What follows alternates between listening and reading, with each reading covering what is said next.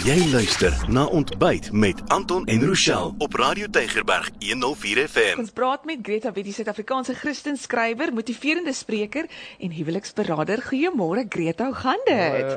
Hi Rochelle, hallo Anton, dit gaan my lekker. Ek is so lekker om vanoggend saam met jou te kon kan gesels. Nou Greta, jy was vir 25 jaar getroud en in 2020, is dit reg? Is jy geskei? Ja, eintlik eers verlede jaar amptelik, maar ek Okay. dink dat ons nou maar dit al lank om af te handel, maar ja. Yes. Nou, wanneer dit kom by egskeiding, mens beplan nooit daarvoor nie. Jy dink nooit dit gaan ooit met jou gebeur nie. Maar hmm. dan gebeur dit. Vir jou as hierdie motiverende spreker en skrywer en huweliksberader, wat het dit aan jou persoonlik gedoen en jou bediening as ek dit so kan stel?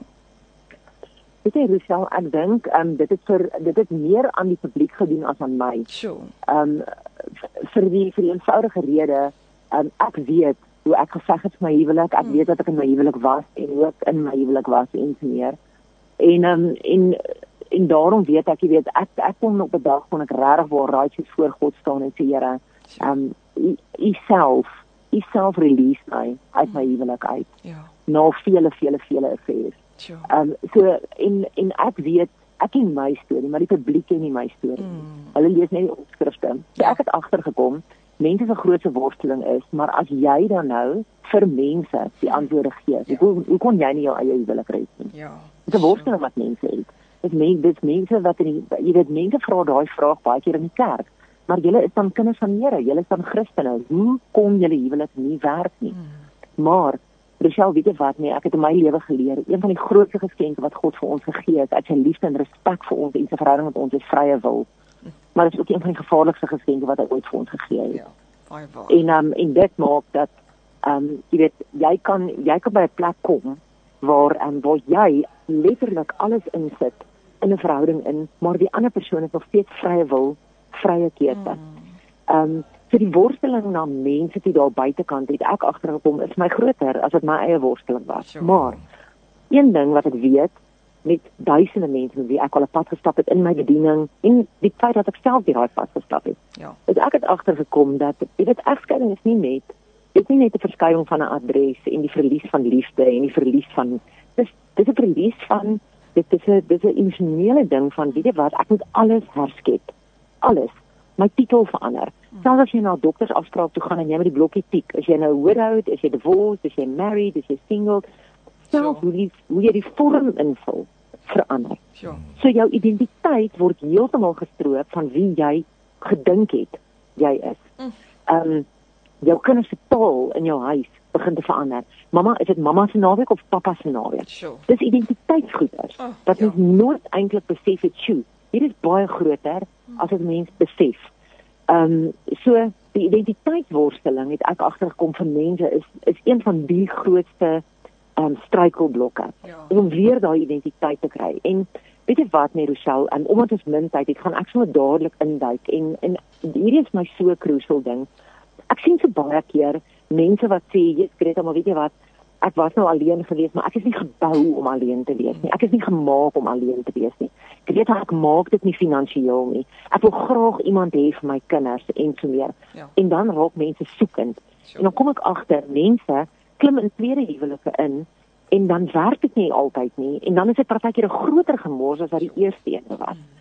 En en so het ek besef maar daar's 'n paar goed wat 'n mens moet deurwerk voordat jy enigsins weer begin om om self belang te stel in 'n volgende verhouding. Ja. En in die in die heel eerste een is you need to conquer being alone. Sure. Jy moet by 'n plek kom waar jy sê ek gaan leer om gelukkig te wees by myself. Met ander woorde, ek het nie iemand langs my in my kamer nodig. Ek het nie iemand langs my by my eetkamertafel nodig om gelukkig te wees nie. Sure. Want as ek iemand nodig het langs my, dan beteken dit ek soek. Mm. Ek soek. Ja. En die Sure. kans dat jy verkeerde persoon gaan aantrek is is goed. Hoekom? Want soekende mense Ja. kry soekende mense. Ja, deep cries out deep. Ja, sure. Heel mense kry heel mense. Mm. So dis so 'n belangrike ding. You need to conquer being alone. Die volgende ding, jy moet vergifnis eers deurwerk. As jy op 'n plek van bitterheid en woede en resentment en spite is met jou um, met jou gewese man of jou gewese vrou, dan gaan jy 10 to 1 in 'n volgende verhouding ingaan, jy gaan iemand kies onbewuslik. Onthou ons doen nie hierdie goed bewuslik nie, né? Dit is so diep binne in ons emosionele kas geberg dat ons dit nie besef nie. Maar ons kies iemand om ons partner te spite of ons kies iemand om eintlik ons woede te laat jy weet Ja. we releasing Ja. the, the anger and the fury. Ja. So as as ons verwond is, dan moet ons verstaan weer eens, ouens verwonde mense trek 10 to 1 verwonde mense. Hmm. Why? Because I don't I want healing. Ja. I want healing, so I need somebody to come and heal me.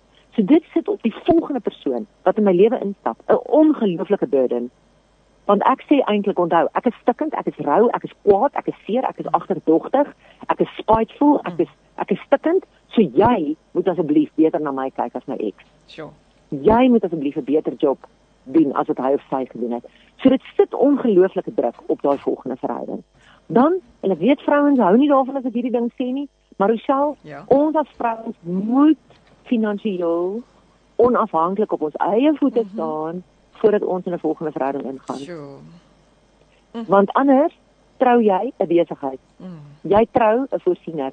Jy trou 'n broodwinner, Ja. maar ons calculate nie die emosionele pakkie wat saam met dit kom nie. Ja. En daar's hoeveel vrouens se stories. En en daar's mans ook, maar Ja. hoeveel vrouens wat vir my e-posse stuur. En my sê Greta, ek en my kinders, daar's nou 'n man wat gesê het, weet jy ek en my kinders het nou by hom ingetrek want hy's bereid om na ons te kyk. Greta, hy, hy sorg so mooi vir ons. As kyk, Rochelle, as ek daai woordjie sorg hoor, dan wil ek dan wil ek my tasse wat hardloop. Ja. Dan wil ek myself eintlik stukkend hardloop in 'n muur. Greta, want want ek het iemand nodig wat vir my moet sorg. Nee, nee. Ouen, jy trou nie 'n man of 'n vrou vir dat net Mm. om vir jou te sorg nie. Sjoe. Jy dis so belangrik dat dat ons daai drie kruiselpunte Ja. bymekaar sal kry. En dan 'n vierde ding wat ons daar kan ingooi. Is ons moet seker maak ons kinders is by 'n gesonde plek. 'n Gesond genoeg plek Mm. sodat hulle ruimte in hulle lewe het vir mamma of pappa om 'n nuwe iemand te hê. Ja, dit is baie goed. Sjoe. Greta, ek wil graag die laaste vraag nog vra, maar ons tyd hardop letterlik uit. Maar hoe eer ek God in daai verhouding as ons nou net begin 'n date weer? Jy jy bly binne in God se woord. Mm. Rochelle, nee, da- daar's veel mense wat sê Greta, ek was nou getroud. Mm. Weet jy wat, ons is nou nie meer kinders nie. Mm. Kyk daai rympie, daai rympie.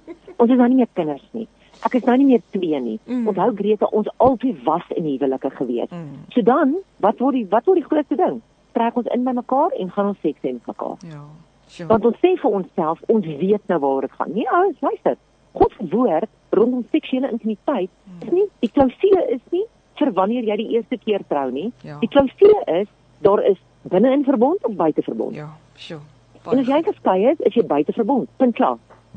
En dit beteken ek eer God deur aan presies dieselfde goeders Ja. gehoorsaam te wees wat God van my verwag het toe ek 18 jaar oud was ook. Sjoe. Greta, En baie baie dankie. As Ja. ek nie 'n man het wat dit kan verstaan nie, dan gaan daai man my huwelik nie verstaan nie. Sure. Toch? Dit is 'n Ja. groot topik. Oh, dit is baie dankie. Ons en ons waardeer opvang. dit en ons tyd is ongelukkig verstreke.